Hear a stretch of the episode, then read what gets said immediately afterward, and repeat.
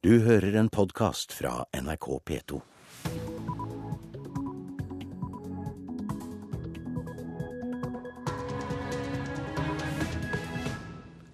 Klokka er halv sju. Det er onsdag 22. august, og jeg heter Hege Holm. Du hører på P2s Nyhetsmorgen, og dette er hovedsaker akkurat nå. Lokal motstand kan stoppe utbygging av E18. At de eh, har, har vel antakelig utført dette her på den samme måten som de gjør med enkle veisaker. Og eh, vi er ikke så enkle at vi kan godta hva som helst. Flere vil bli tillitsvalgt, viser en spørreundersøkelse fra YS. Og Alf Prøysen trekker ikke lenger turister til Prøysenhuset. Nå mener flere at Prøysens forfatterskap må oppdateres.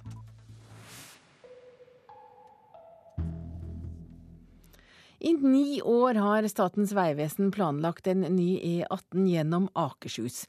Men et knapt flertall i Ås kommunestyre forsøker å stanse utbyggingen. Og i går dro veidirektør Terje Moe Gustavsen til Ås for å be lokalpolitikerne om å ombestemme seg. Er det din telefon? Ja, jeg kommer snart. Gårsdagen ble hektisk for Arne Hillestad. I sommer har FrPs gruppeleder i Ås kommune vært opprørsgeneralen som har sørget for at kommunen sa nei til Vegvesenets E18-planer. I går kom veidirektøren til Ås rådhus for å overtale kommunestyret. Det er ikke hverdagskost for de 17 kommunestyrerepresentantene. Hillestad selv mener staten har tatt for lett på E18-utbyggingen. At de eh, har, har vel antakelig utført dette her på den samme måten som de gjør med enkle veisaker. Og eh, vi er ikke så enkle at vi kan godta hva som helst. Etter møtet i går var opprørsgeneralen likevel noe mildere stemt. Hillestad mener at veidirektøren både lovet svar på flere spørsmål og ga kommunestyret i Ås viktige løfter. At vi får en utredning på Oslofjordforbindelsen. Betyr det at du er mer positiv til, eh, til planene sånn som de ligger? Ja, hvis jeg får de riktige svarene, så er jeg det. Flertallet i Høyre var også med på å vrake E18-planene. Gruppeleder i Høyre Gro Haug mener Vegvesenet ikke har hatt fokus på de største problemområdene langs veistrekningen. Innkjøringen til Ås kommune er uklar, foreligger ikke gode tegninger på. Ei heller hvordan man skal komme seg ut av min kommune. Hva er det som skal til for at dere kan akseptere det trasévalget sånn som det ligger? Det trasévalget som, de kommer, som jeg håper at vi nå kan få frem etter dette møtet, hvis, hvis det er eh, en fornuftig løsning, og det ser ut som om det er den smidigste veien, har jeg ingen problemer med å snu i dette. Veidirektør Terje Moe Gustavsen var strålende fornøyd etter møtet. Jeg syns det ble et veldig ålreit møte. Eh, god eh, dialog. Likevel har veidirektøren bestemt seg. E18-traseen skal i hovedsak legges etter planene. Men det er selvsagt sånn at med de utredninger, med den planlegging som allerede ligger på bordet, så mener nok vi at alternativene i hovedsak er lagt på bordet. Og da å gå tilbake og starte denne prosessen helt på nytt, det, det ser vi nok som relativt lite aktuelt. Hvis dialogen med kommunestyret ikke går i veidirektørens retning, vurderer han å anbefale regjeringen å overstyre lokalpolitikerne. Altså Det som er en riktig forståelse, slik jeg signaliserte, var at uh, man ikke kan utelukke at vi foreslår å bruke statlig plan. Denne delen av budskapet falt ikke i god jord hos opprørsgeneral og Frp-politiker Arne Hillestad. Det skal være tungt for staten å gå inn og overprøve oss. Det er i så tilfelle beklagelig hvis staten skal overprøve kommunene. Da kan de overta kommunene som helhet. Og det sa altså opprørsgeneral Hillestad til reporter Berit Aalborg. Fagforbundet brøt i natt meklingen med NHO Service og tar dermed ut 64 medlemmer på sju private sykehjem i Oslo i streik. Forhandlingsleder i Fagforbundet Kjellfrid Blakstad sier at motparten overhodet ikke verdsetter sine ansatte eller møter standarden i bransjen. Nei, altså En streik vil alltid merkes, men vi har ikke tatt ut veldig mange i streik. Og vi har jo tatt ut bare i Oslo og Akershus på noen sykehjem. Eh, vi gir selvfølgelig dispensasjon, slik at eh, liv og helse ikke skal stå i fare. Det skal vi sørge for blir ivaretatt. Men om ikke dette um, rammer beboerne på sykehjemmene, hvem rammer det da? Jo, det er klart at en streik vil merkes. Det er ikke til å unngå. Tar vi ut noen i streik, så vil det merkes. Ja, på hvilken måte? Nei, Du kan si at det blir færre folk på jobb. og men ikke færre, eller at de får dekket de nødvendige behov, som både ernæring og pleie og ja, det viktigste, og medisinering. Ja. Hva var den viktigste årsaken til at dere ikke ble enige? Det var det at vi hadde fokus på å få innført en pensjonsordning på lik linje med det som er det offentlige. Eh, vi vil ha en likebehandling på det med pensjon, og vi vil ha likebehandling på det med lønn. Og Det vil si at vi vil ha et lønnsnivå innenfor det området her som vi har innenfor alle andre områder innenfor samme bransje. Både i det offentlige og innenfor de ideelle organisasjonene som driver sykehjem. Ja, og det forklarte Kjellfrid Blakstad, forhandlingsleder i Fagforbundet, og reporter her var Nils Petter Johannessen. Og NHO mener de strakk seg langt for å komme til en enighet, men at det ikke er naturlig at private og kommunale sykehjem har identiske tariffavtaler. Sykepleierforbundet kom på sin side til enighet med NHO, og dermed blir det ikke 44 sykepleiere tatt ut i streik i Oslo og Hordaland likevel. En mann ble knivstukket i hodet i forbindelse med et slagsmål i Oslo sentrum i natt. Mannen er alvorlig skadd, opplyser politiet. To menn er pågrepet for ugjerningen som fant sted ved 3.30-tiden. Flere personer var involvert, opplyser politiet. Hellas statsminister Antonis Samaras ber om mer tid til å gjennomføre nedskjæringene og reformere det som trengs for å få nye kriselån. Samaras skal i dag møte lederen for eurosonens finansministre, Jean-Claude Juncker, før han reiser til Berlin for å møte statsminister Angela Merkel. Lørdag møter han Frankrikes president Francois Hollande. Vi skal til Syria, der lidelsene fortsetter. I en forstad til hovedstaden Damaskus er 50 mennesker drept. Samtidig kommer det signaler om at regimet ønsker forhandlinger med opposisjonen, og for første gang åpner regjeringsmedlemmer for at president al-Assad kan komme til å gå av. Ethvert problem kan diskuteres under forhandlinger. Det sier visestatsministeren i Syria på spørsmål om president al-Assad kan komme til å gå av. Men Kadri Shamil la til at presidentens avgang ikke må være en betingelse for forhandlinger med opposisjonen. Det var i Moskva uttalelsene falt. Det blir sett på som et forsøk på å få i gang forhandlinger. Samtidig hadde russiske ledere samtaler med Kinas sikkerhetsrådgiver. Kina og Russland slo fast at de ikke vil tolerere et militært inngripen fra vestlige land for å få avsatt president al-Assad. Men Syrias visestatsminister fikk noe motbør under møtene i Moskva. Utenriksminister Sergej Lavrov mener det syriske regimet ikke gjør nok for å stanse volden i landet. For på bakken fortsetter lidelsene for et hardt prøvet folk som i går da syriske soldater støttet av stridsvogner stormet en forstad i hovedstaden Damaskus. Minst 20 personer ble drept, butikker og boliger ble stukket i brann. Regjeringssoldatene skal ha plyndret mange forretninger. Siden mandag er 50 mennesker drept i denne sunnimuslimske bydelen i hovedstaden. Og reporter her var Dag Bredvei, og vi holder oss i Syria, for Leger uten grenser har drevet et sykehus inne i Syria i to måneder. Og styreleder Kyrilin, hvordan vil du beskrive situasjonen?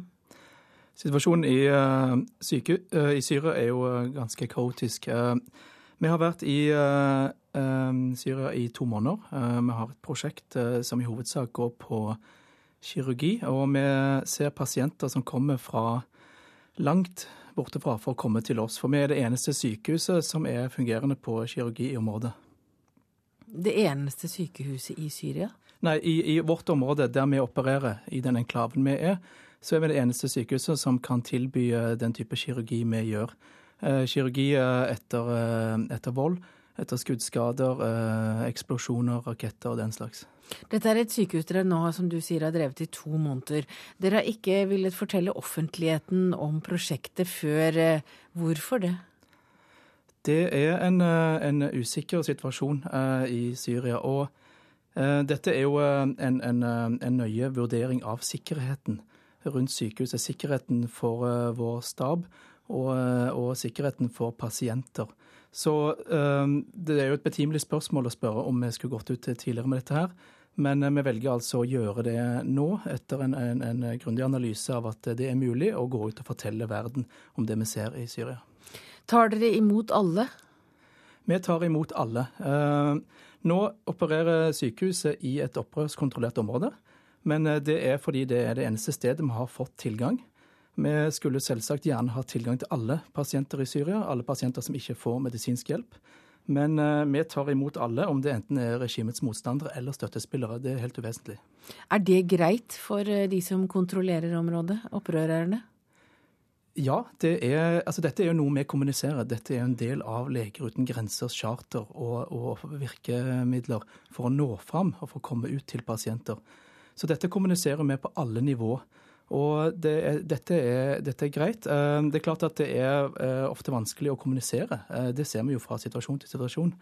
At det er ikke alltid like lett for folk som er i strid, og for folk som, som er midt oppe i den situasjonen, å forstå, forstå, dette. Men dette er noe vi kommuniserer, og det er derfor vi får, får komme inn.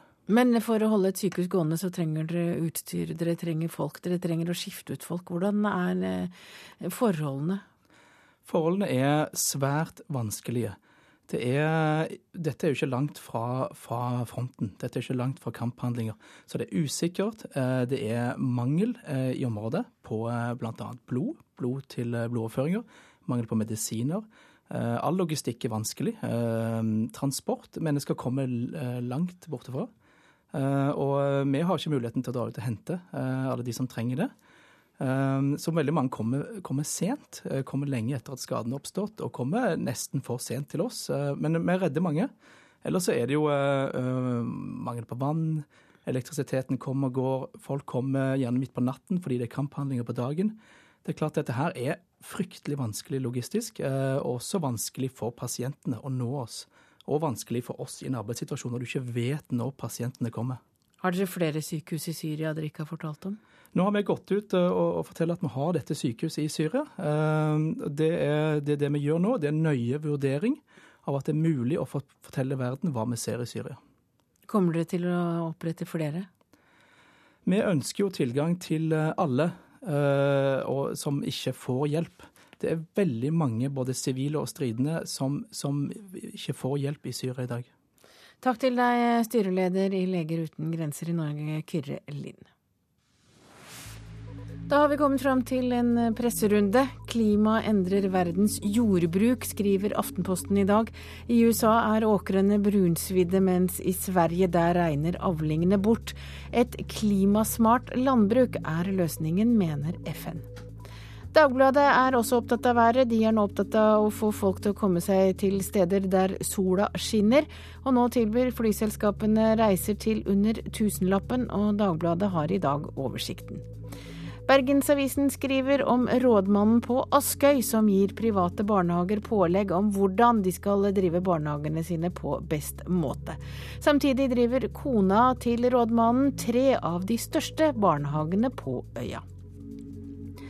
Nordlys har i dag en gladsak om Ken Robin, som spilte A-lagsfotball for TIL. Så ble han narkoman, men eh, nå har han klart å komme ut av narkomanien og igjen er på VM-laget. Arbeiderpartiet feirer at partiet er 125 år, og det er en tung feiring, skriver Dagsavisen.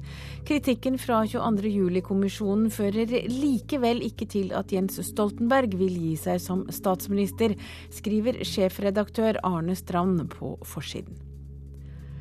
Summer tilsvarende en tredel av Norges statsbudsjett forsvinner hvert år ulovlig ut av Afrika. Beløpet er dobbelt så høyt som det kontinentet mottar av bistand fra det internasjonale samfunnet. Det er det Vårt Land som skriver. A-pressen varsler nedbemanning i avisene som konsernet har kjøpt opp. LO-leder Roar Flåten stiller seg bak kuttplanene, skriver Klassekampen. Bøndene har fått større kvoter og produserer mer melk, men det er ikke nok til å dekke økt smørsalg, skriver Nasjonen. Tiende bør nå myndighetene om lavere toll på smør. I 42 uker har private feriebilder, opplysninger om feriemål og annen privat informasjon om kongefamilien vært fritt tilgjengelig for alle på det sosiale nettsamfunnet Instagram, skriver VG. Ifølge avisen er det Mette-Marits sønn, Marius Borg Høiby, som har delt bildene og informasjonen på det populære nettsamfunnet. Terrorekspert Magnus Ranstorp mener politiet har feilvurdert sikkerheten ved å la opplysninger om hvor kongefamilien befinner seg, være offentlig tilgjengelig.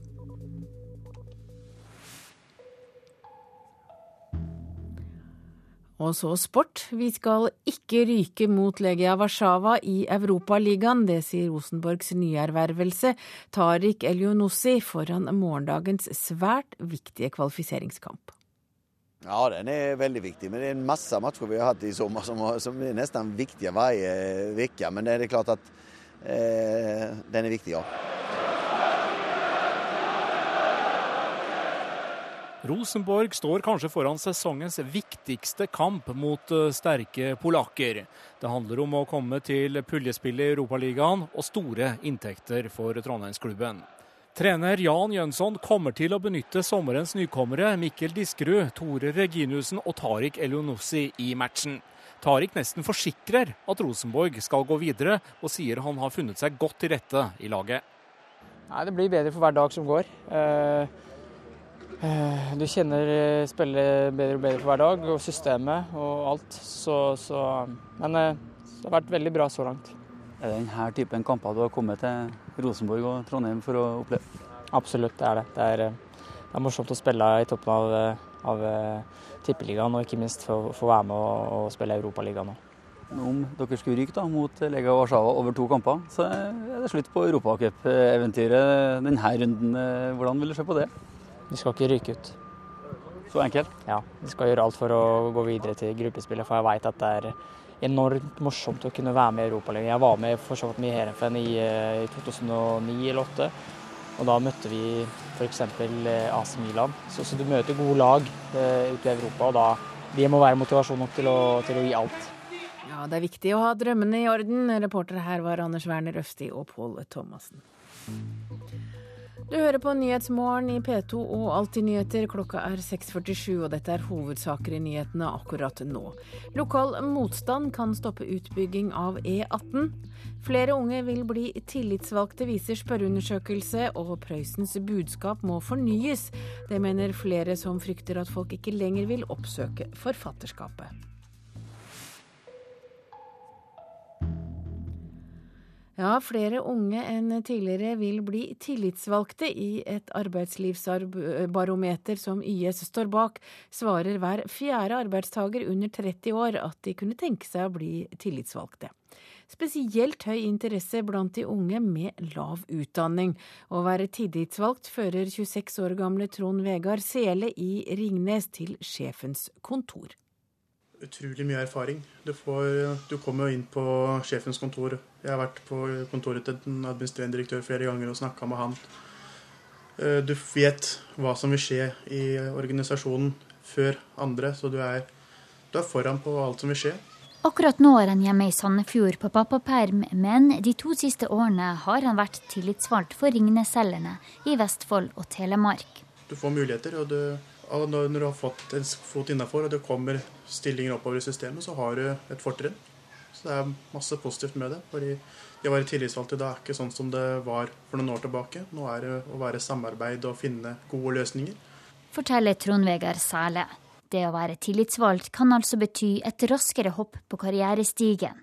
Det mener Funksjonærforbundet Negotia er en av grunnene til at særlig yngre med lav utdanning svarer at de gjerne vil bli tillitsvalgt. Det er YS sitt arbeidslivsbarometer utført av Arbeidsforskningsinstituttet som viser en overraskende økning i interessen for å bli tillitsvalgt. Det er bra. Og vi er nå veldig fornøyd med at det faktisk er et stort korps av unge arbeidstakere som vil ta medansvar og videreføre den aksepterte måten å utvikle lønns- og arbeidsvilkår på i Norge. Sier Arnfinn Korsmo, første nestleder i Negotia. Fagforbundene sliter vanligvis med å finne folk som vil være tillitsvalgte. Nå håper Korsmo at arbeidsgivere gjør det enklere å være tillitsvalgt. Er arbeidsmengden for en arbeidstaker som ønsker å ta på seg tillitsvalgtrollen stor, for stor, eventuelt mulig å fordele til andre?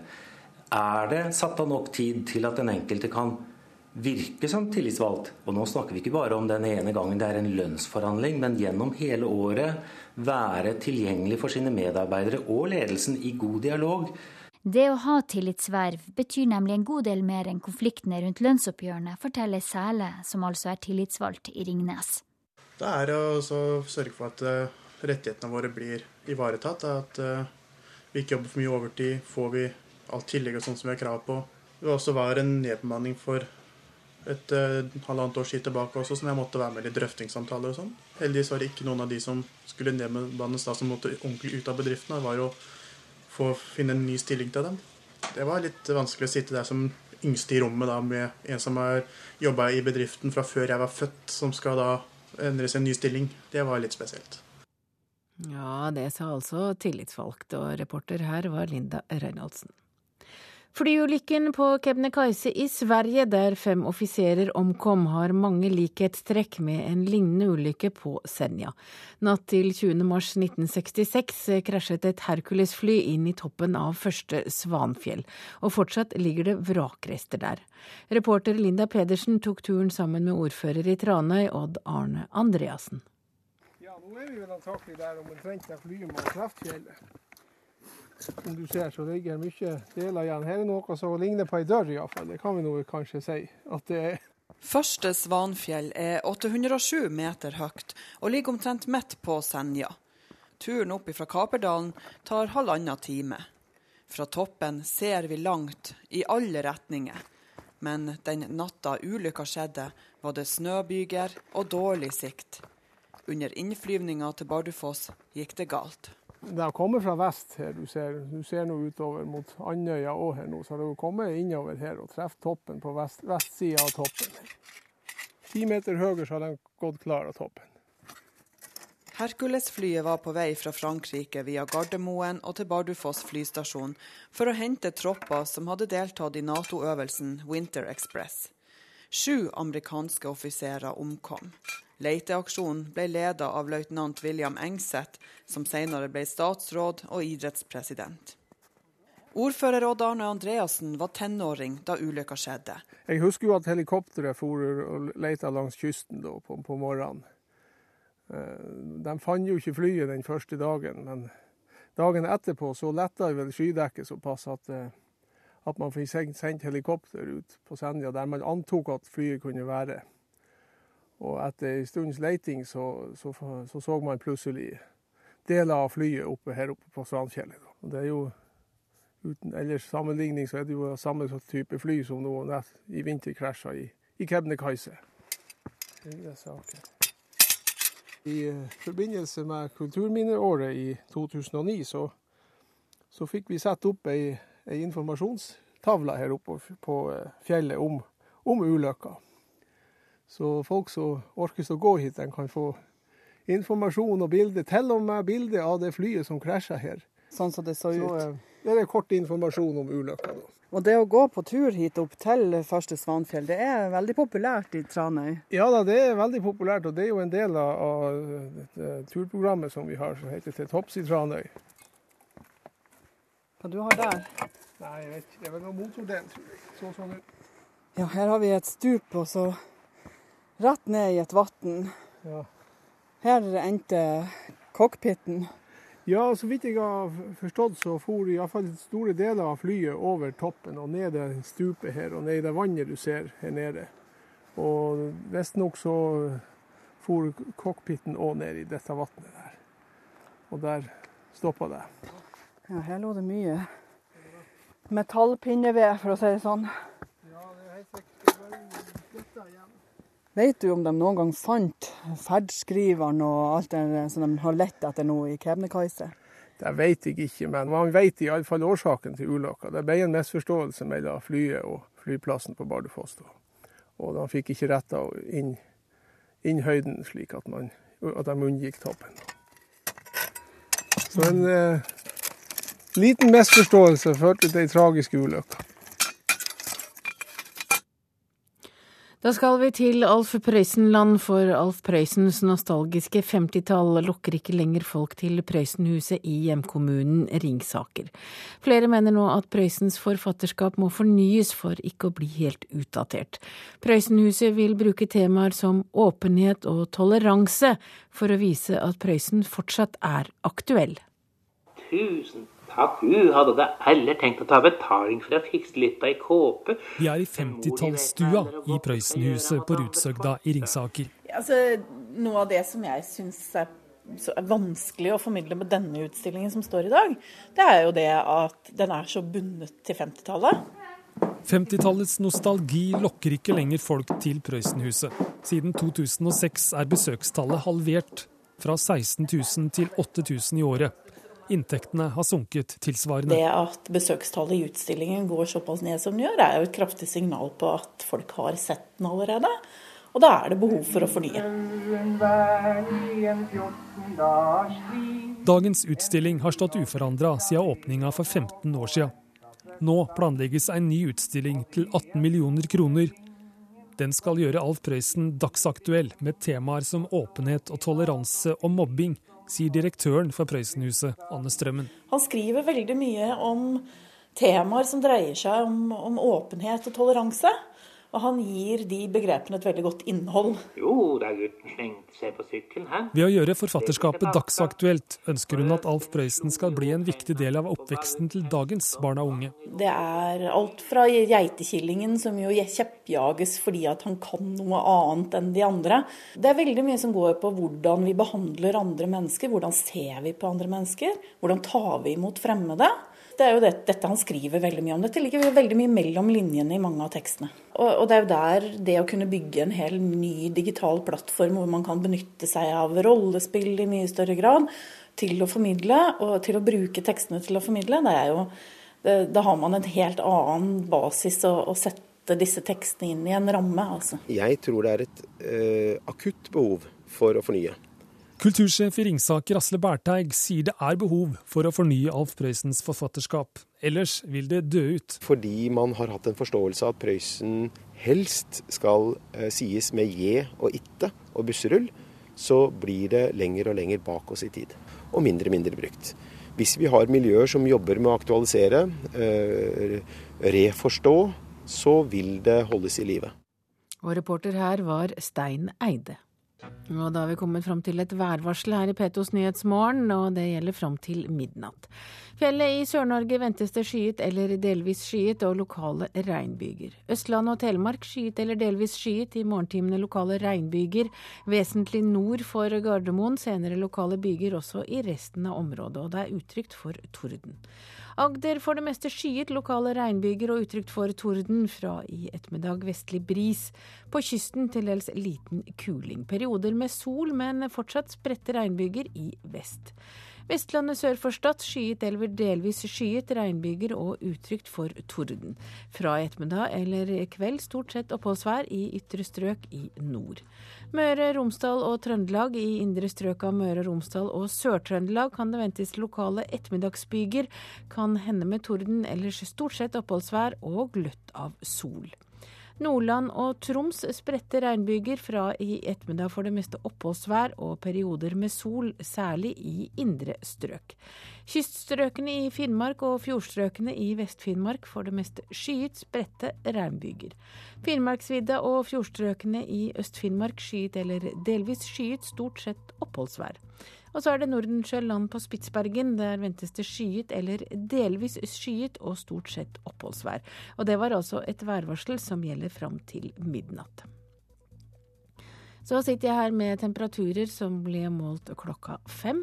Svalbard lufthavn hadde da fire grader, Kirkenes fem, Vardø seks, Alta sju, Tromsø-Langnes sju, Bodø ni, Brønnøysund ni, Trondheim-Værnes tolv, Molde tolv, Bergen-Flesland 13, Stavanger 14, Kristiansand-Kjevik hadde også 14, det hadde også Gardermoen klokka fem. Lillehammer hadde tolv grader, Røros hadde åtte grader, og Oslo-Blindern hadde 16 varme grader. Og det var altså temperaturene målt klokka fem.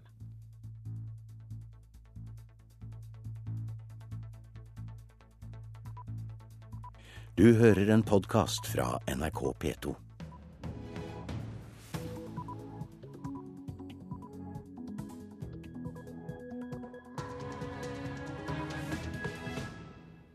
Klokka er sju, du hører på Nyhetsmorgen og jeg heter Hege Holm. Her er en nyhetsoppdatering. Riksrevisjonen har kritisert Politidirektoratets nødnett og dataoppfølging seks ganger de siste ti årene. Tidligere satsing og konkret vedlikehold av IKT-systemet kunne ført til en betydelig bedre ressursutnyttelse i etaten. Og det sa riksrevisor Jørgen Kosmo. Fagforbundet har brutt meklingen med NHO Service og tar ut 64 medlemmer på sju private sykehjem i streik. Flygerforbundet liker ikke at Norwegian-piloter blir innleid fra et utenlandsk vikarbyrå og ansatt ved flybase i Spania så virker det på oss som om det er en konstruksjon som er skapt for å forsøke eh, å kunne klare å tjene mer penger, med den konsekvensen det får for den enkelte, som da blir på mange måter en migrerende leiearbeider. Ja, det sa leder i Norske Flygerforbund, Alexander Vassland. Feriebilder og privat informasjon om kongefamilien har ligget fritt tilgjengelig på nettsamfunnet Instagram i 42 uker. Ifølge VG er det Mette-Marits sønn Marius Borg Høiby som har delt bilder og informasjon på nettet. Presidentkandidat Mitt Romney ber partifelle om å trekke seg som senatskandidat etter uttalelser om voldtekt og abort. Uh, Todd Aikens uttalelser er blitt en nasjonal debatt, og republikanerne er bekymret for at det som ses på som en kvinnefiendtlig politikk brer om seg, skader partiet og ødelegger sjansene for å vinne flertallet i Senatet. Og det sa USA-korrespondent Anders Tvegård. Riksrevisjonen ga Politidirektoratet krass kritikk i seks av ti av de siste rapportene for ikke å ha fulgt opp datasatsing og utbygging av nødnettet. 22.07-kommisjonen beskrev dataløsningene til politiet som utdaterte, og mener at gjerningsmannen ville blitt pågrepet før hvis det hadde vært et bedre system. Riksrevisor Jørgen Kosmo sier ingen av sjefene i Politidirektoratet eller Justisdepartementet kan si at de ikke visste. Det var jo ikke overraskende for oss å lese kommisjonsrapport. Han snakker om kritikken han har kommet med i seks av de ti siste rapportene om Politidirektoratet.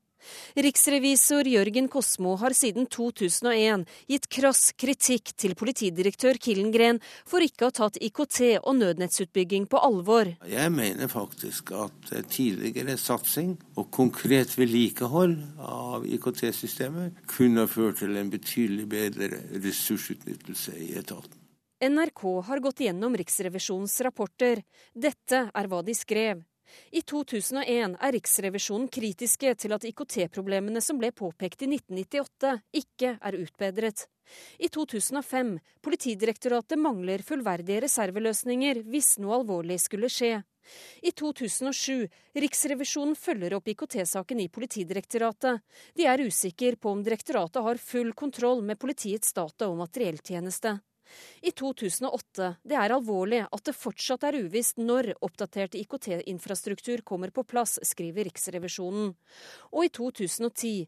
Riksrevisjonen understreker at arbeidet må prioriteres. Jeg syns det er svakt. Det er klart at bedre IKT-systemer, bedre kommunikasjonssystemer, hadde gjort det mulig å respondere tidligere. Dessverre så eh, er det ingen som kan si at de ikke har visst, fordi eh, våre påpekninger har vært eh, ganske konkrete. Ingelin Killengren, politidirektør fra 2000 til 2011, vil ikke kommentere dette. Heller ikke justisminister Grete Faremo. Kosmo sier departementet ble informert om kritikken. Nei, De svarene har jo vært i og for seg bekreftelse på at de undersøkelsene vi har gjort, og de konklusjonene vi var kommet til, var korrekte. Så kan du etterspørre hvorfor ble da ikke noe gjort. Han sier det var nødvendig at Riksrevisjonen gjentatte ganger tok opp problemet med IKT-satsingen og nødnettsutbyggingen. Det er jo fordi at vi ser at lite har skjedd. Og fordi at vi ser at konsekvensen av manglene blir bare større og større, og vanskelig å gjøre det daglige politiarbeidet.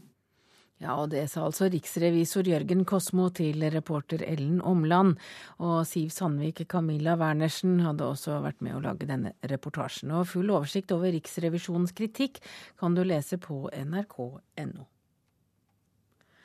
Professor ved Handelshøyskolen BI, Petter Gottschalk. Eh, hvor alvorlig er det at Politidirektoratet har ignorert ja, eh, såpass mange som seks av ti oppfordringer om å utbedre nødnettet?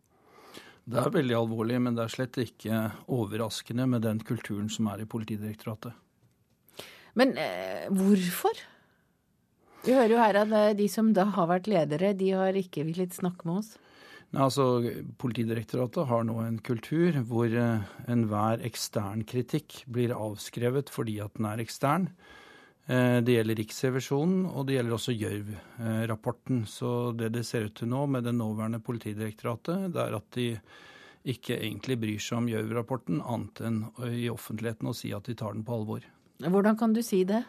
Nei, Det er en kultur som, eh, som, eh, mange har opplevd, at når de har tatt opp ting, blir det oppfattet som kritikk. Det blir oppfattet som negativt. Jeg har forsket på politiet nå i ti år, og det er Politidirektoratet som, som er problemet her. Men én ting er direktoratet, men hvilket ansvar har Justisdepartementet? Ja, og det, De henger seg da på. så jeg, Det siste brevet jeg så fra statsråd Faremo eh, som svar til eh, Kosmo, var eh, rett og slett eh, at vi har egentlig ikke tenkt å gjøre noe. Vi er helt enig i kritikken, men vi har egentlig ikke tenkt å gjøre noe. Så det brevet, tosiders brevet er egentlig en skandale i å bare jatte litt med Riksrevisjonen, men ikke forplikte seg på noe som helst. Etter 22.07 så forstår jo de fleste at det, det, var feil, det var systemfeil. Vil ikke det, tror du, få fortgang i å utbedre systemene? Nei, altså det er en kultur her hvor alle er enige om at noe må skje etter 22. juli, og ikke minst etter Gjørv-rapporten. Men, men, i store, store deler av, av offentlig forvaltning er det sånn at det er andre som skal forandre seg. Vi behøver ikke forandre oss. Men hvem vil det her være da som må forandre seg? Nei, altså det, Sannsynligvis er det best å, å, avvikle Politidirektoratet i sin nåværende form. Få, få distribuert alle de ansatte ut i politidistriktene og bygge opp Politidirektoratet på nytt. Ingelin Killengren, som har vært politidirektør i hele den perioden det er snakk om, er nå ekspedisjonssjef i Fornyingsdepartementet og har delvis sikkerhetsansvar der. Eh, vil dette få konsekvenser for hennes stilling? Ja, etter hvert vil nok det, men nå later man som ingenting. Men det er klart at uh, hun har jo demonstrert sin inkompetanse på sikkerhetsområdet ved å ha forsømt seg som politidirektør, og vi har ikke råd til å eksperimentere en gang til med henne på sikkerhetsområdet. Petter Gottschalk, eh, du har kritisert Politidirektoratet før. Du kommer til å gjøre det igjen når du møter eh, folk som du har forsket på. Hva slags samtaler fører dere da? Nei, når vi treffes på Lorry over, over, et glass øl, så er det hyggelig, men ellers så blir jeg avvist. Takk til deg, professor ved Handelshøyskolen BI. Norske piloter bor i Norge, jobber for flyselskapet Norwegian, men er leid inn fra utenlandske vikarbyrå. De ansettes i Spania. Med dette skaper Norwegian et system med internasjonale leiearbeidere for å tjene mer penger, mener lederen i Fly Norsk Flygerforbund, Alexander Vassland så virker det på oss som om det er en konstruksjon som er skapt for å forsøke eh, å kunne klare å tjene mer penger, med den konsekvensen det får for den enkelte, som da blir en eh, på mange måter en migrerende leiearbeider. I går skrev Dagens Næringsliv om at skatteetaten undersøker flybransjen. NRK kan i dag fortelle flere detaljer om hvordan hurtigvoksende Norwegian har organisert seg for å redusere kostnader. Norwegian oppretta tidligere i år en flybase i Malaga, sør i Spania. Her er 30 piloter tilsatte. Alle er kontraktspiloter, dvs. Si ikke tilsatt i Norwegian, men i et vikarbyrå registrert i et annet land. Et av vikarbyråene er registrert på Isle of Man, øya i Irskesjøen med gunstig selskapsskatt. Norske vikarpiloter ansatt i utenlandske vikarbyrå blir tatt inn med tanke på at selskapet er i en vekstperiode, sier kommunikasjonsdirektør Anne Sissel Skånvik i Norwegian. Og Det er for å sikre oss den nødvendige fleksibilitet i en oppstartsfase. Og så er vårt mål at vi eh, skal kunne vokse og styrke oss eh, i det markedet, og at vi kan ansette på sikt. Når pilotene har Malaga i Sør-Spania som base, betyr det at de starter og slutter arbeidsperiodene sine der enten ved å føre flyet dit, eller sitte på.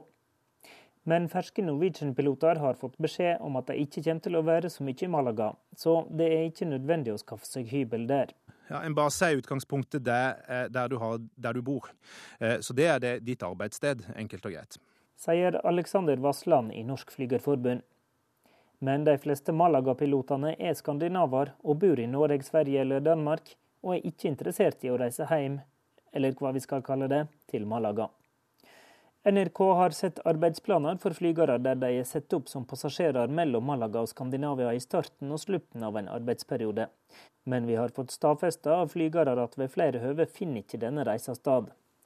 Hvorfor blir det da organisert slik? Det fremstår jo veldig forunderlig for oss. Eh, og dette er jo med på eh, å utdype den oppfatningen vår av at man her eh, oppretter type bekvemmelighetsbaser. Så det er, en, det er, jo ikke noe krav til at man må bosette seg eh, på et eh, bestemt sted. Eh, det har jo ikke vi som, som innleier noen mulighet til å styre. Men de skal starte sin arbeidsdag der, og de skal slutte arbeidsdagen der. Skånvik i Norwegian sier følgende om hvorfor de har laga et system med å leie inn norske arbeidstakere til et norsk flyselskap fra et bemanningsselskap på Isle of Man, og gitt flygerne arbeidsstad Spania. Og Grunnen til at vi har, vi har oppretta base her, er at det er godt god tilgang på veldig kvalifisert personell. Og det er også i lavere kostnader enn det vil være eh, ved å fly ut fra, fra f.eks. Oslo eller Stockholm. Eh, så det er mange grunner. Og så sparer vi jo selvfølgelig en del administrative kostnader når vi starter opp med innleie. Og reportere her var Håvard Grønli og Øyvind By Skille, og flere detaljer kan du lese på nrk.no. Og professor ved Norges handelshøyskole, Frode Steen, er det vi hører her en del av forklaringen på at Norwegian stjeler markedsandeler fra SAS? Det, sånn, det som er litt av utfordringen er at Norwegian, når de har først og fremst konkurrert med SAS, så har de for så vidt ikke hatt problemer med kostnadsnivået, for SAS er så høyt, så da kan man konkurrere. ikke sant? Men det som har vært problemet, er det som er utfordringen, er jo nå når de ekspanderer mer og mer, så begynner de å konkurrere med selskaper som har en annen kostnadsstruktur, og da kan du få denne type litt sånn leietilpasninger. Men det er klart at det er ingen som ønsker seg et system der verken Norwegian omgår hva skal si, skatteregler eller eh, noen ting annet. Så det er klart at sånn som det framstår dette, så framstår ikke det bra for Norwegian når de gjør det sånn. Nei, hvorfor er det galt? Det er galt. Altså, jeg, jeg, nå er ikke jeg full innsikt i dette, men, men, sånn som det ser ut, så er det jo som at man på en måte skal ordne seg på en måte som gjør at man unngår beskatning. Eh, muligens lovlig, men på en litt spesiell måte. Men det, men det viktige er på en måte å forstå at det som driver fram dette, er at jeg tror ikke det er konkurransen med SAS som driver fram dette, men det er det at man ekspanderer nå inn i markedet der man faktisk ser altså Ryanair og andre gjør lignende ting, gjør at man, man, man, man tvinges ut i ordninger som kanskje ikke ser helt grei ut. Og, og, det er klart at det må det, det, det, det er jo sånn at sånn som Norwegian framstår her, så ser det ut som at de tar ikke ansvar for dette, men, men, men, pilotene kan på en måte velge om de gjør det ene eller andre. Jeg forstår at man har en kostnadsutfordring, men det er klart at, at eh, man må jo gjøre dette på en sånn måte at eh, det ser greit ut. Og det er jeg sikker på at Norwegian vil prøve å få til. Men eh, Norwegian vil jo gjerne ikke, eller de vil jo ikke framstå som et billigselskap og, og sammenlignes med selskaper som f.eks. Ryanair. Men, men, hva tror du slike avsløringer gjør for omdømmet til flyselskapet Norwegian? Det jeg tror er det at de ønsker å framstå som et ordentlig selskap med, med piloter som er ansatt der og alt dette. Og det er klart at det, det Derfor er ikke dette type ting som, som vi typisk forbinder med selskapet. Men, men igjen, eh, det er klart at eh, selskapet skal konkurrere i et marked, og det markedet heter ikke SAS. Hadde det vært SAS man skulle konkurrere mot, så hadde det vært enklere, for SAS har avtaler som antageligvis innebærer for høy lønn igjen. ikke sant? Men Betyr det at eh, selskaper kommer til å holde på slike, altså de fleste kommer til å måtte gjøre det for å vinne den internasjonale konkurransen?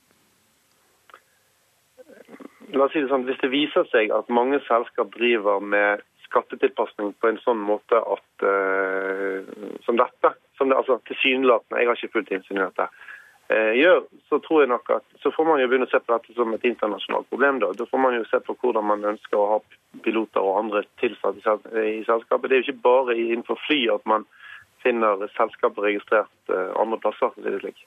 Takk til deg, professor ved Norges handelshøyskole, Frode Steen. Klokka er 14 minutter over sju. Du hører på P2s Nyhetsmorgen, og dette er hovedsaker akkurat nå. Riksrevisjonen har kritisert Politidirektoratets nødnett og dataoppfølging seks ganger de siste ti årene. Professor ved Handelshøyskolen BI Petter Gottschalk sa her i Nyhetsmorgen at Politidirektoratet bør avvikles. Fagforbundet har brutt meklingen med NHO Service og tar ut 64 medlemmer på sju private sykehjem i Oslo i streik. Flygerforbundet kritiserer at Norwegian-piloter blir leid inn fra et utenlandsk vikarbyrå og ansatt ved en flybase i Spania.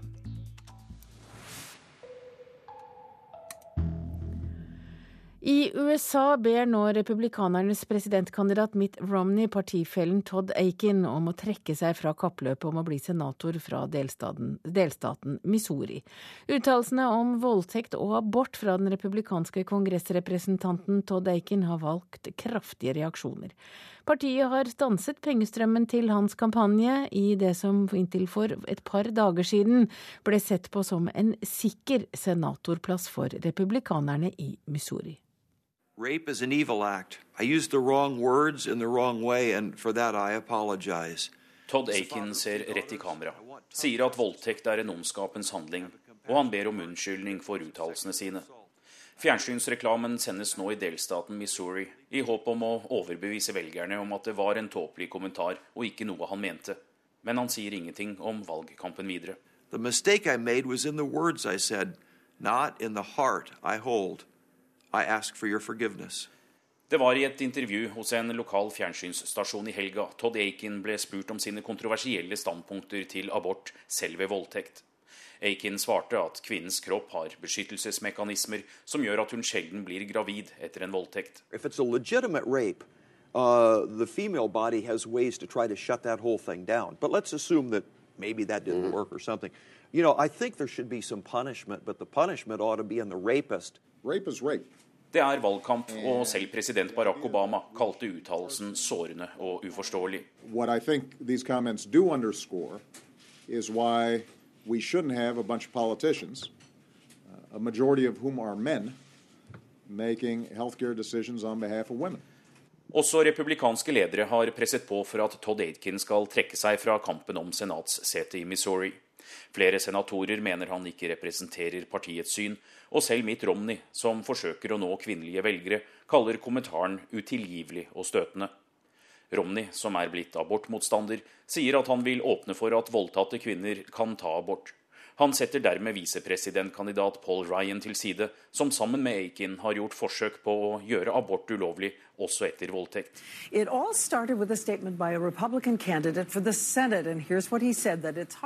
Kongressrepresentanten Aiken ble nominert som republikanernes senatskandidat for tre uker siden, i en hard kamp mot to andre republikanere.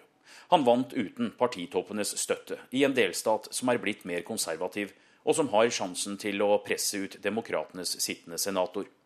Aiken er kjent for sin motstand mot abort, selv etter voldtekt, og målbærer standpunkt flere kristenkonservative grupper her i USA har. Republikanerne har en mulighet til å få flertall i Senatet etter høstens valg, og Missouri har blitt sett på som en av delstatene de kan vinne et nytt sete. Republikanerne trenger tre seter til for å få flertall dersom Romney vinner, eller fire seter dersom Obama blir gjenvalgt. Av de 33 ledige setene i høst sitter demokratene på 21 i dag. To er uavhengige, og ti tilhører republikanerne. Uh, Todd Aikens uttalelser er blitt en nasjonal debatt, og republikanerne er bekymret for at motstanden og det som ses på som en kvinnefiendtlig politikk, brer om seg, skader partiet og ødelegger sjansene for å vinne flertallet i Senatet. Republikanske strateger mener Aiken må gå av nå, fordi løpet allerede er kjørt. De peker på at hans demokratiske motstander, som ligger rett bak ham på målingene, kan bruke partitoppenes uttalelser om at han bør trekke seg under valgkampen.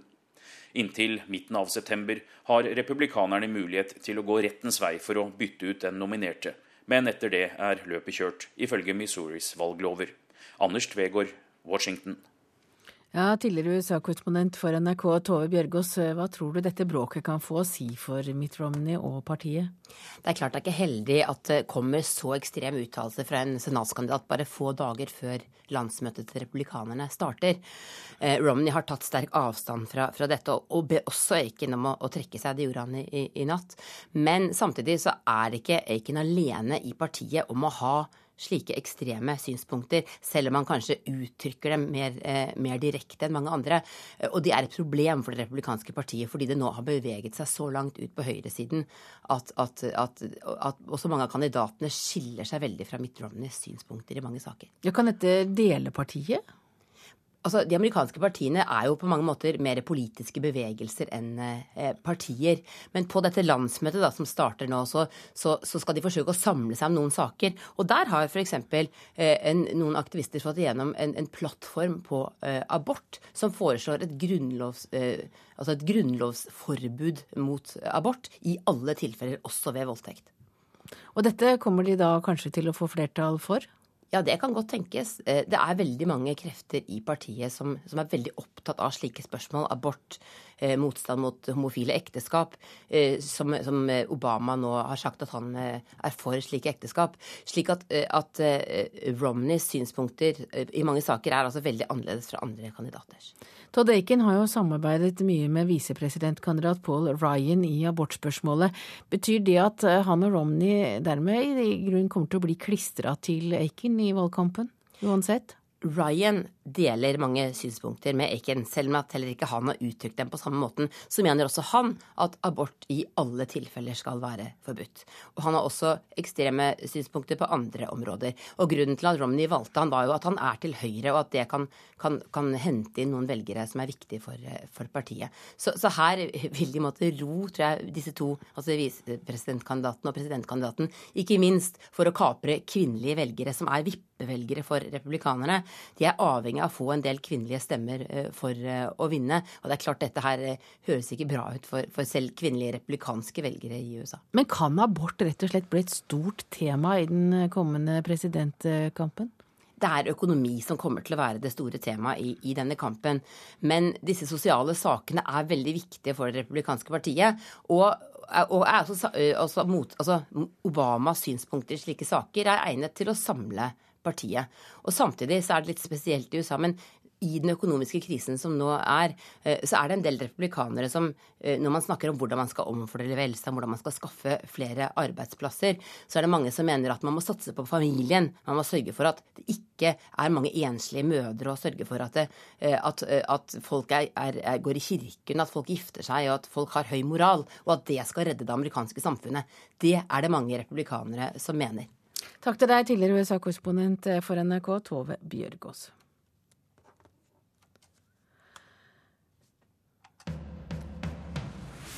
Da skal vi fortsette ute i verden, for Hellas' statsminister Antonis Samaras ber om mer tid til å gjennomføre nedskjæringene og reformene som trengs for å få nye kriselån.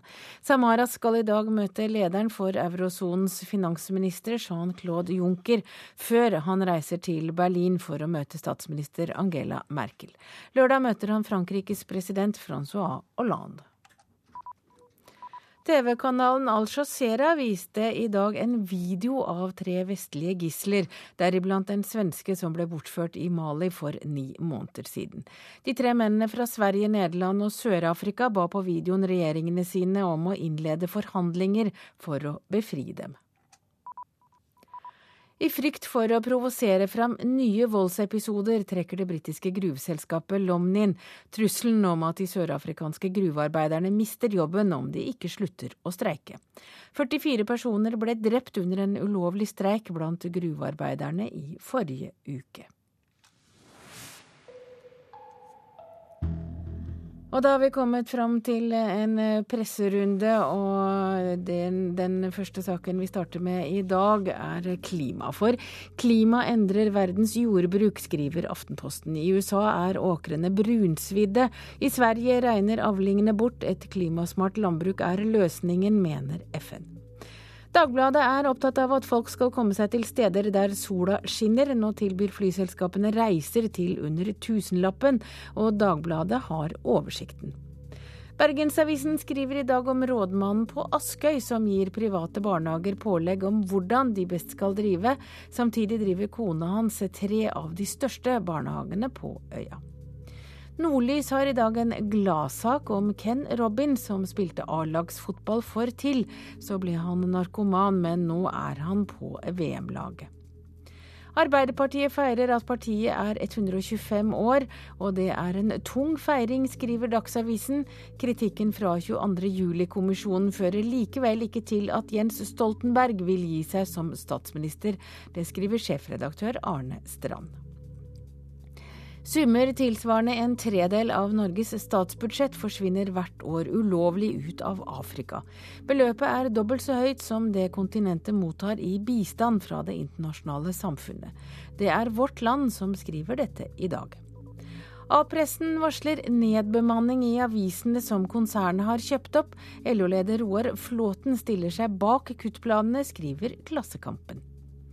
Bønder har fått større kvoter for å produsere mer melk, men det er likevel ikke nok til å dekke økt smørsalg, skriver Nasjonen.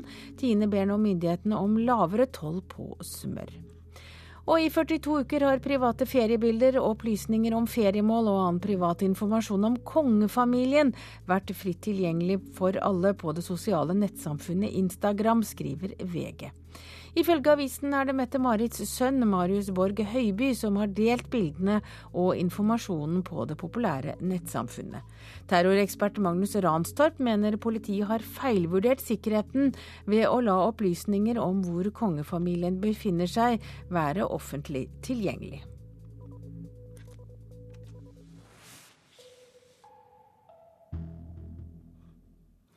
En tidligere LO-leder vil fortelle det hun mener er den sanne historien om det rød-grønne prosjektet i sin bok.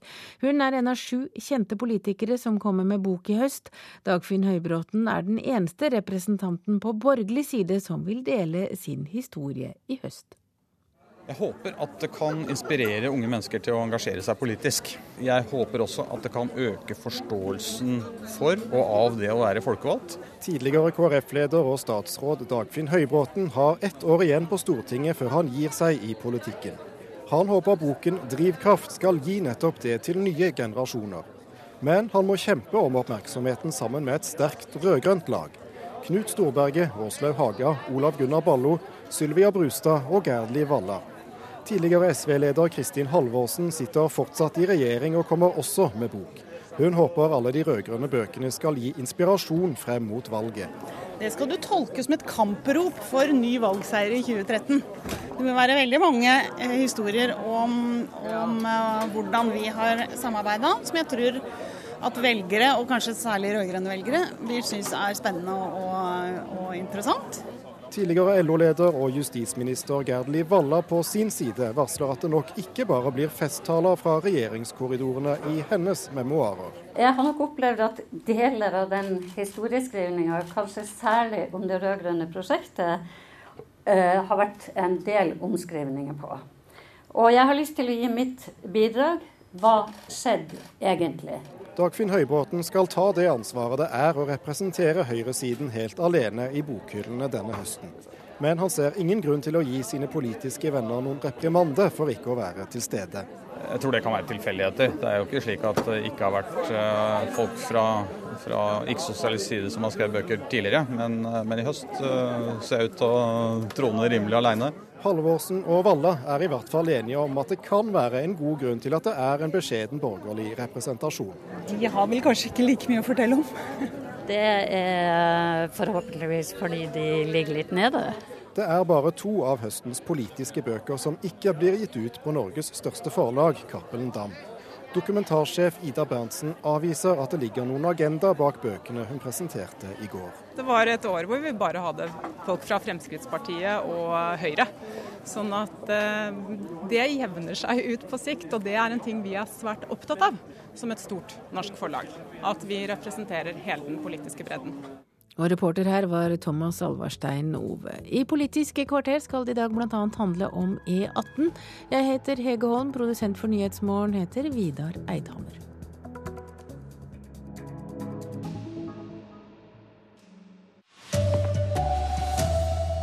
Riksrevisjonen har flere ganger retta kritikk mot Politidirektoratets oppfølging av dataløsninger.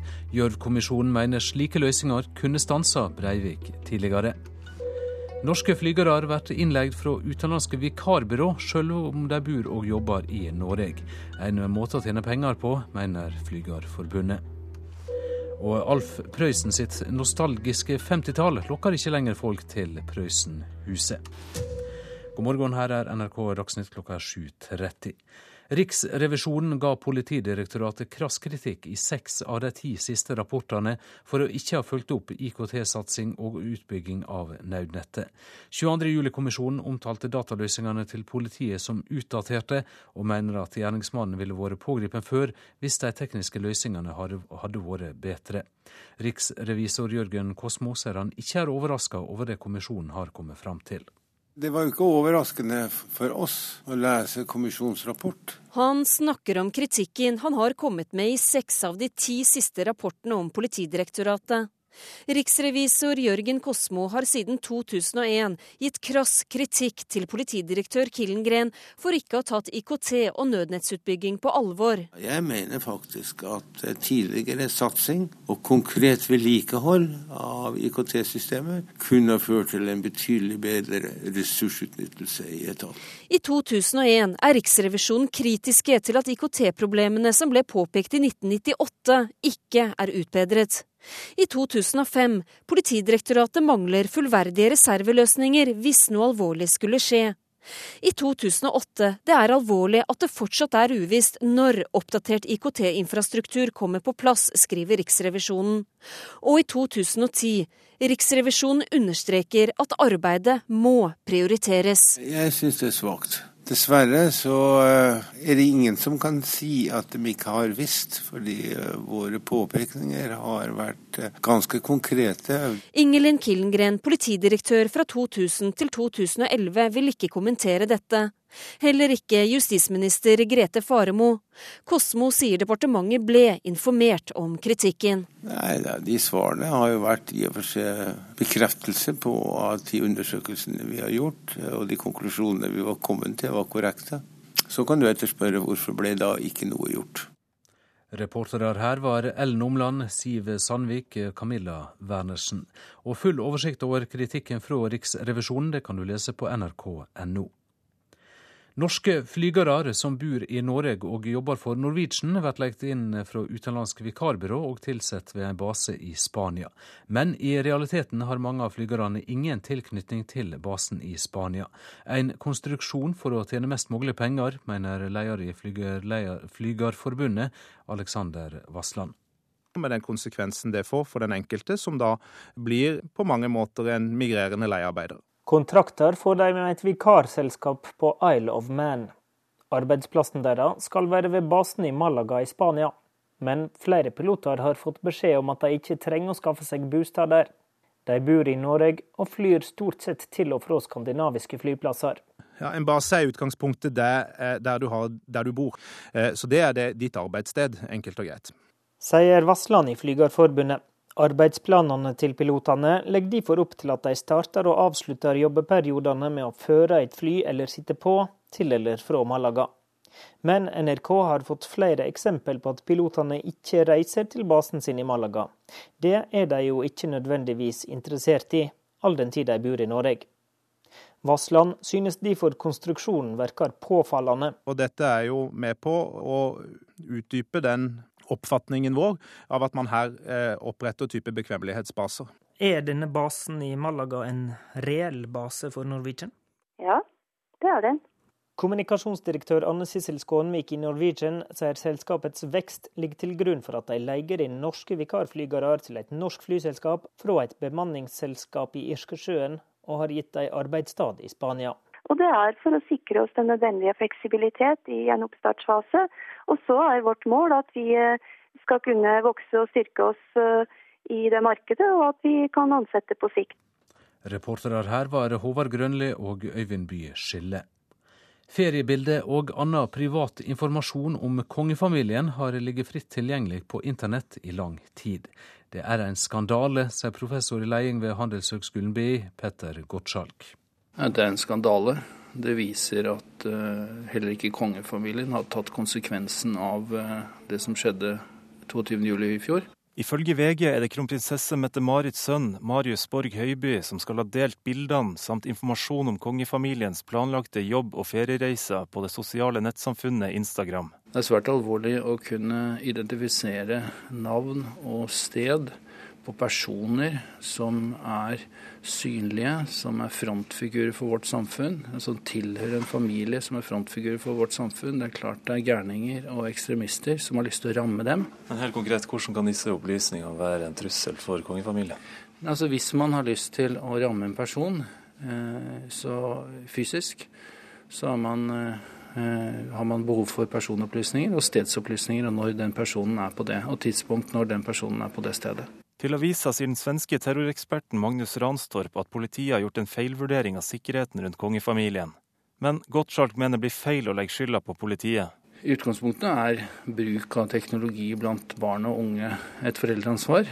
Eh, men siden dette er eh, et medlem av kongefamilien, så er det større ansvar enn som så. Først og fremst Slottets ansvar, og i mindre grad politiets ansvar. Reporter var Ole Marius Rørstad. Interessen for fagforeningsarbeid blant unge arbeidstakere øker. I ei kartlegging fra YS går det fram at hver fjerde arbeidstaker under 30 år kan tenke seg å ta tillitsverv. Og interessa er størst blant de med låg utdanning. Nå håper første nestleder i YS-forbundet Negotia, Anfinn Korsmo, at arbeidsgiverne gjør det enklere å være tillitsvalgt. Er arbeidsmengden for en arbeidstaker som ønsker å ta på seg tillitsvalgtrollen stor, for stor, eventuelt mulig å fordele til andre? Er det satt av nok tid til at den enkelte kan virke som tillitsvalgt? Og nå snakker vi ikke bare om den ene gangen det er en lønnsforhandling, men gjennom hele året være tilgjengelig for sine medarbeidere og ledelsen i god dialog. Vi skal ikke ryke mot Legia Warszawa i Europaligaen. Det sier Rosenborg sin nykommer Tariq Elionossi foran morgendagens svært viktige kvalifiseringskamp. Ja, den er veldig viktig. Men det er en masse matcher vi har hatt i sommer som, som er nesten viktige hver uke. Men det er klart at eh, den er viktig, ja. Rosenborg står kanskje foran sesongens viktigste kamp mot eh, sterke polakker. Det handler om å komme til puljespillet i Europaligaen og store inntekter for Trondheimsklubben. Trener Jan Jønsson kommer til å benytte sommerens nykommere Mikkel Diskerud, Tore Reginussen og Tariq Elionossi i matchen. Tariq nesten forsikrer at Rosenborg skal gå videre. Vi skal ikke ryke ut for å gå videre til gruppespillet, for jeg vet at det er enormt morsomt å kunne være med i Europaligaen. Jeg var med for så vidt med i Heerenveen i, eh, i 2009 eller 2008. Og da møtte vi f.eks. Eh, AC Milan. Så, så, du møter gode lag uh, ute i Europa, og da det må være motivasjon nok til å, til å gi alt. Reportere var Anders Werner Øvsti og Pål Thomassen. Alf Prøysen sitt nostalgiske 50-tall lokker ikke lenger folk til Prøysenhuset i heimkommunen Ringsaker. Flere mener Prøysen sitt forfatterskap må fornyes for å ikke bli utdatert. Tusen takk, du hadde da heller tenkt å ta betaling for å fikse litt av ei kåpe. Vi er i 50-tallsstua i Prøysenhuset på Rudsøgda i Ringsaker. Altså, noe av det som jeg syns er er vanskelig å formidle med denne utstillingen som står i dag, det er jo det at den er så bundet til 50-tallet. Sier direktøren for Prøysenhuset, Anne Strømmen. 50-tallets nostalgi lokker ikke lenger folk til Prøysenhuset. Siden 2006 er besøkstallet halvert. At besøkstallet i utstillingen går såpass ned som det gjør, er jo et kraftig signal på at folk har sett den allerede. Dagens utstilling har stått uforandra siden åpninga for 15 år siden. Nå planlegges en ny utstilling til 18 millioner kroner. Den skal gjøre Alf Prøysen dagsaktuell med temaer som åpenhet og toleranse og mobbing. Jeg tror det er et uh, akutt behov for å fornye. Kultursjef i Ringsaker Asle Berteig sier det er behov for å fornye Alf Prøysens forfatterskap. Ellers vil det dø ut. Fordi man har hatt en forståelse av at Prøysen helst skal uh, sies med je og itte og busserull så blir det lenger og lenger bak oss i tid. Og mindre og mindre brukt. Reporter Stein S. Eide. Ansvarlig for sendinga er Erlend Rønneberg, teknisk ansvarlig Hanne Lunås, og i studio Odd Christian Dale.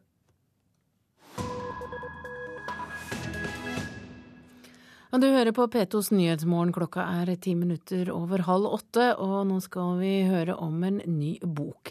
141 norske nazioffiserer fra den andre verdenskrig blir nå identifisert med navn og bilde i en ny bok. Dette er den første oversikten over hvilke nordmenn som var offiserer i Hitlers elitestyrke Waffen SS, og 70 år etter krigen er det på tide å fortelle hvem de var, sier forfatterne.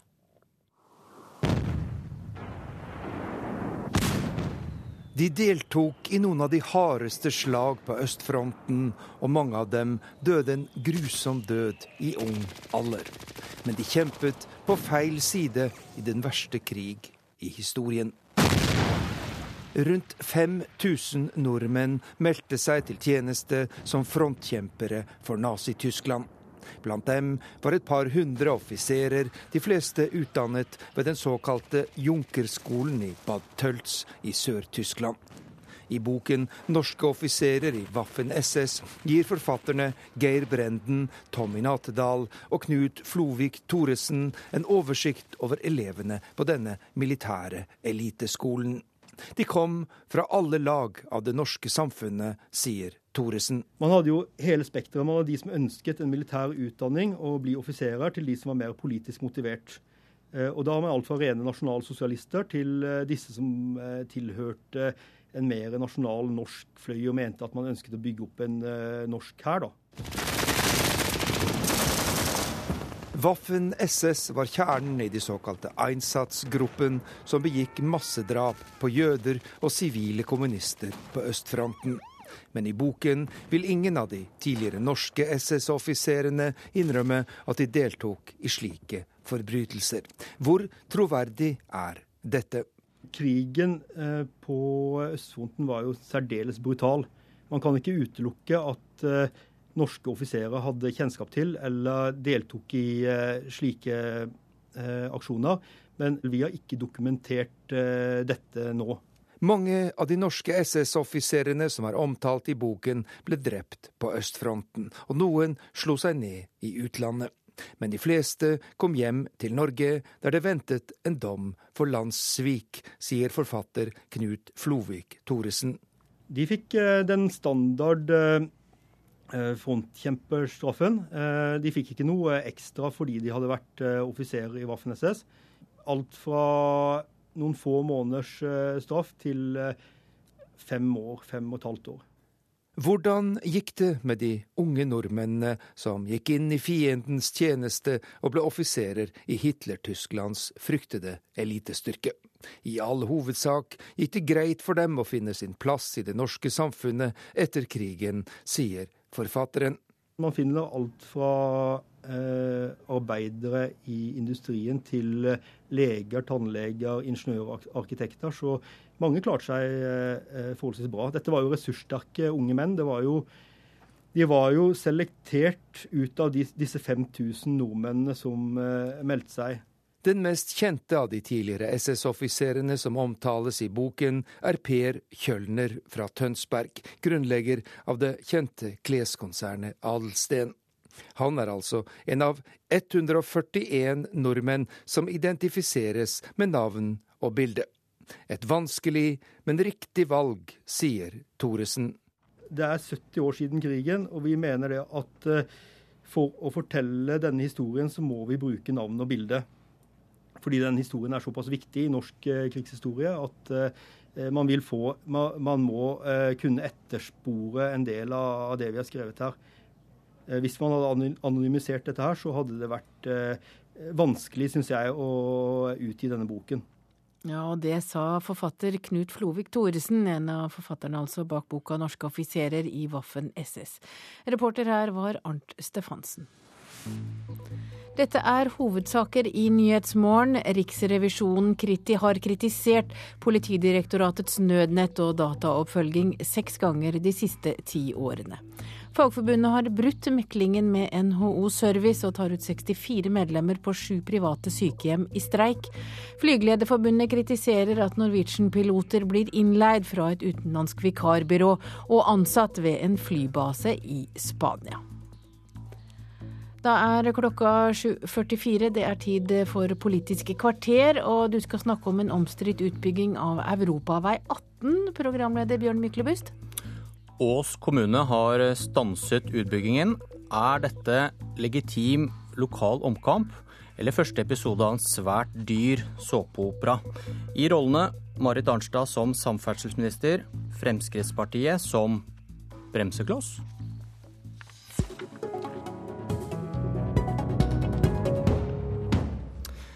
En av disse setningene kan bli sanne.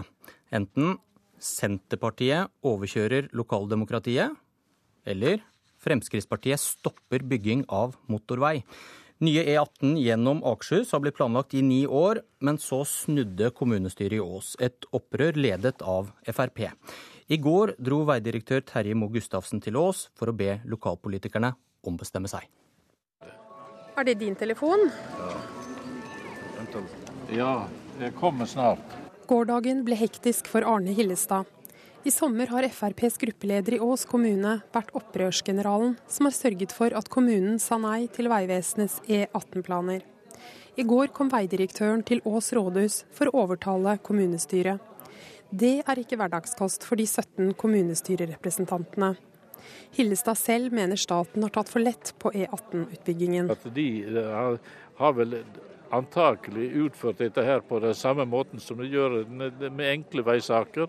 Og eh, vi er ikke så enkle at vi kan godta hva som helst. Etter møtet i går var opprørsgeneralen likevel noe mildere stemt. Hillestad mener at veidirektøren både lovet svar på flere spørsmål og ga kommunestyret i Ås viktige løfter. At vi får en utredning på Oslofjordforbindelsen. Betyr det at du er mer positiv til, eh, til planene sånn som de ligger? Ja, hvis jeg får de riktige svarene, så er jeg det. Flertallet i Høyre var også med på å vrake E18-planene.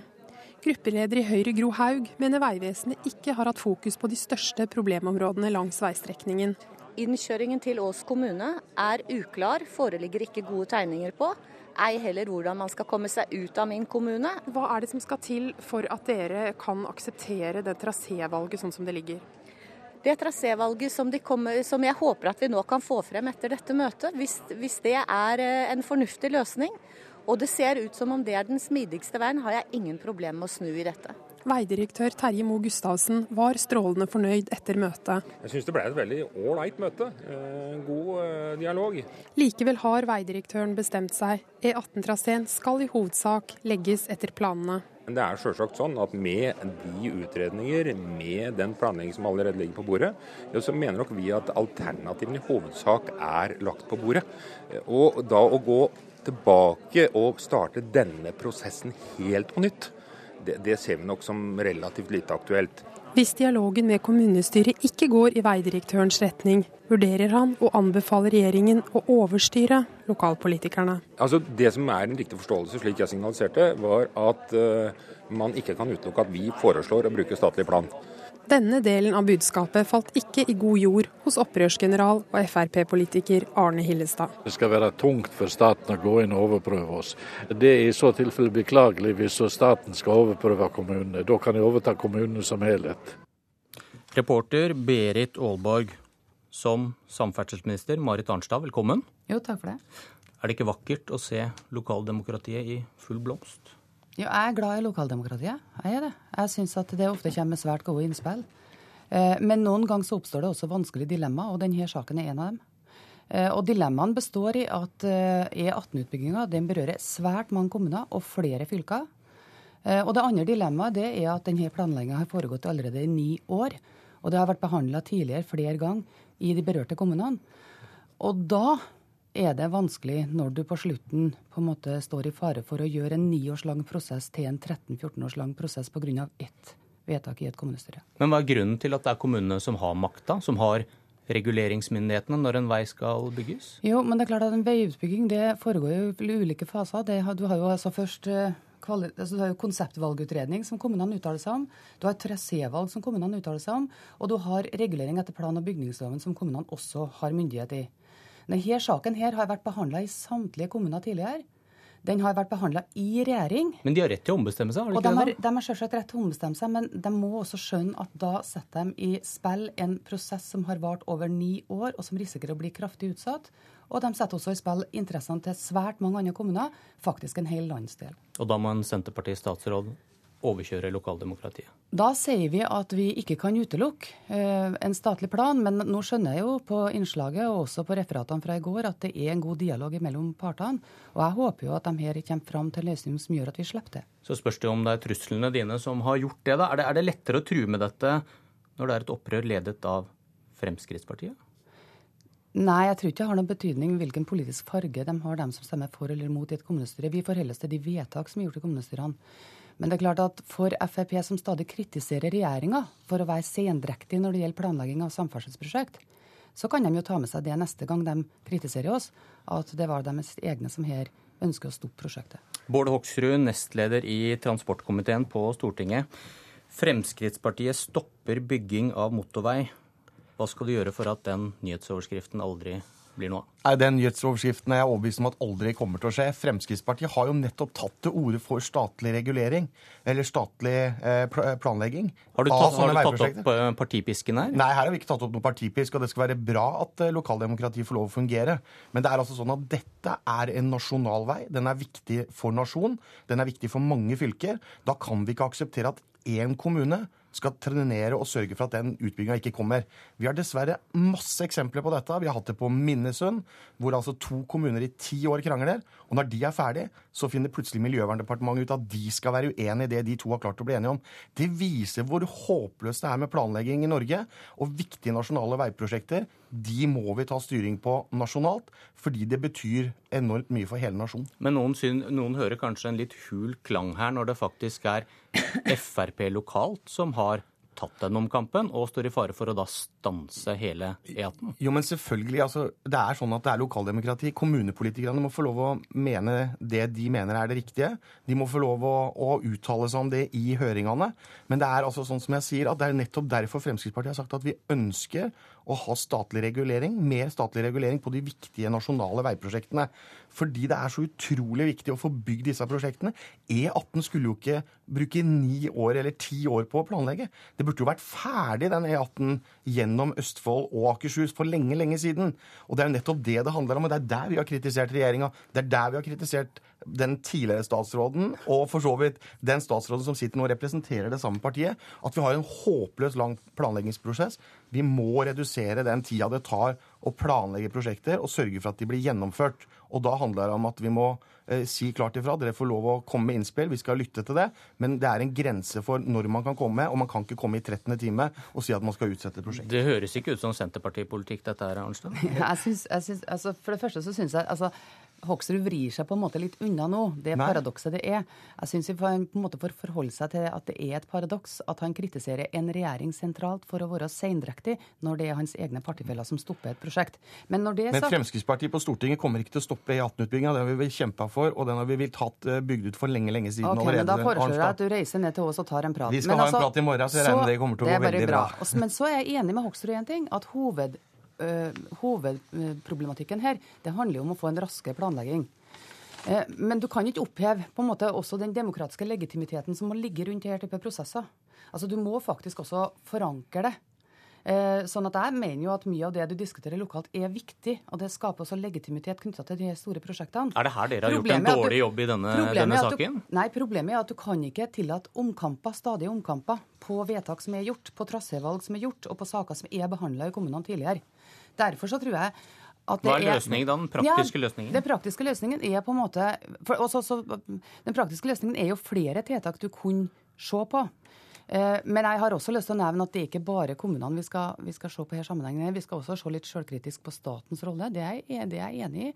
Fordi at statlige interesser burde på et tidligere tidspunkt samordne seg og prøve å redusere antallet innsigelser til planer. Så tror jeg at du kanskje burde sette tidsfrister. Både for statlige og kommunale myndigheter når det gjelder til hvilket tidspunkt saker skal være ferdige og bindende behandla. Men alt dette går på bekostning av det lokaldemokratiet ja, du- dere har så lyst til å forsvare, eller? Nei. Med Kortere tidsfrister. Men så Lokaldemokrati handler ikke om at du skal ta omkamper, eller om at du skal ta opp saken flere ganger og på en måte stemme ned det du tidligere har vedtatt til kommunen. Det kommer nye kommunestyrer. Lokal, lokaldemokratiet handler om at du skal ha en meningsfull debatt. Og jeg mener at du må avveie de lokale og de nasjonale interessene i sånne saker, og det er vi for, fullt forberedt på å gjøre. Men det er jo, nå er jo statsråden som virkelig snor seg unna her. Jeg syns det er viktig å ha med seg altså, prosessen. Ni år.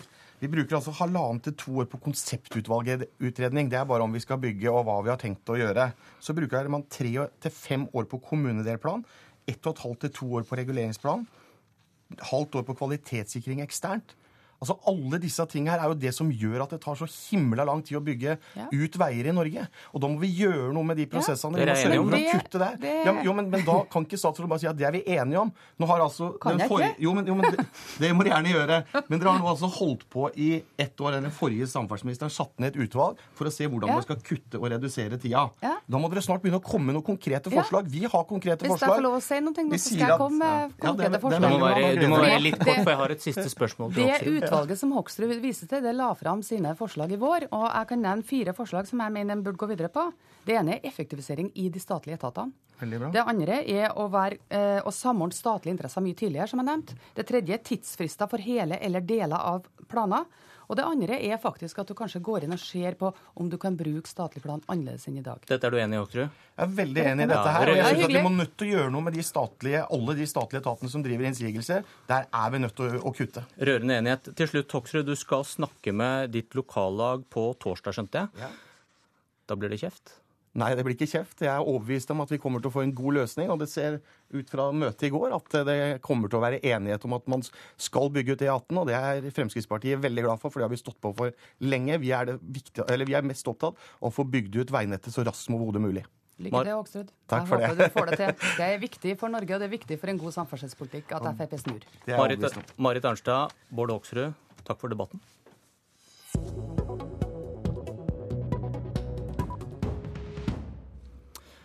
Arbeiderpartiet ønsker at Stortinget skal åpne kontrollsak rundt 22. juli-kommisjonens rapport. Martin Kolberg mener det er viktig at Stortinget undersøker hvordan sittende og tidligere regjeringer har prioritert beredskap. Mye sviktet. Kommisjonen peker på store svakheter knyttet til styring av viktige samfunnsinstitusjoner. Alexandra Beck Gjørv ga oss noen svar og mange nye spørsmål. Men det skjer ikke en dypere erkjennelse som gjør at de ansvarlige faktisk opplever å ha ansvar, og at de har vilje og evne til å gjennomføre det man faktisk har bestemt seg for. Regjeringen skal selv svare på hva som nå må skje, mens Stortinget må få spørre seg hvordan beredskapssvikten kunne skje. Det mener også Arbeiderpartiet og Martin Kolberg. Jeg vil være veldig tydelig på at eh, vi fra Arbeiderpartiets side er veldig positivt innstilt på at kontrollfunksjonen blir ivaretatt på en god måte. Det viser egentlig at uh, Arbeiderpartiet, i likhet med de andre partiene på Stortinget, er opptatt av at Stortinget skal gjøre sin grunnlovsfestede plikt, nemlig å kontrollere den utøvende makt. Sier leder av Stortingets kontrollkomité, Anders Anundsen. Tirsdag skal både statsminister og justisminister redegjøre for Stortinget. Justiskomiteen vil trolig få ansvaret for regjeringens fremtidige svar i form av nye tiltak, mens kontrollkomiteen trolig vil få ansvaret for 22.07-kommisjonens viktigste kritikk av et Norge totalt uforberedt. Det viktigste er at vi blir enige om hvordan vi skal håndtere det på en skikkelig måte. Eh, En kontrollsak er en av flere muligheter. Eh, Vi har ikke låst oss til noe opplegg, men det er viktig at Stortinget får gjennomført de eh, undersøkelser som Stortinget mener er viktig i en så alvorlig og omfattende sak som dette er snakk om. Stortingspresident Dag Terje Andersen vil mandag avklare med de parlamentariske lederne hvordan Stortinget debatterer kommisjonsrapporten tirsdag, og behandlingen av saken videre.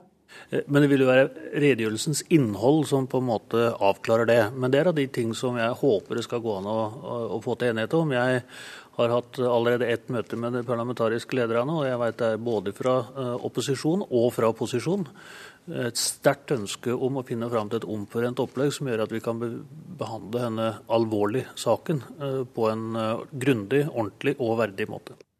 Reporter Lars Nehru Sand. Det var et Politisk kvarter. Vil du kontakte oss, så send en mail til politikk.alfakrøll.nrk.no. Jeg heter Bjørn Myklebust. Du har hørt en podkast fra NRK P2.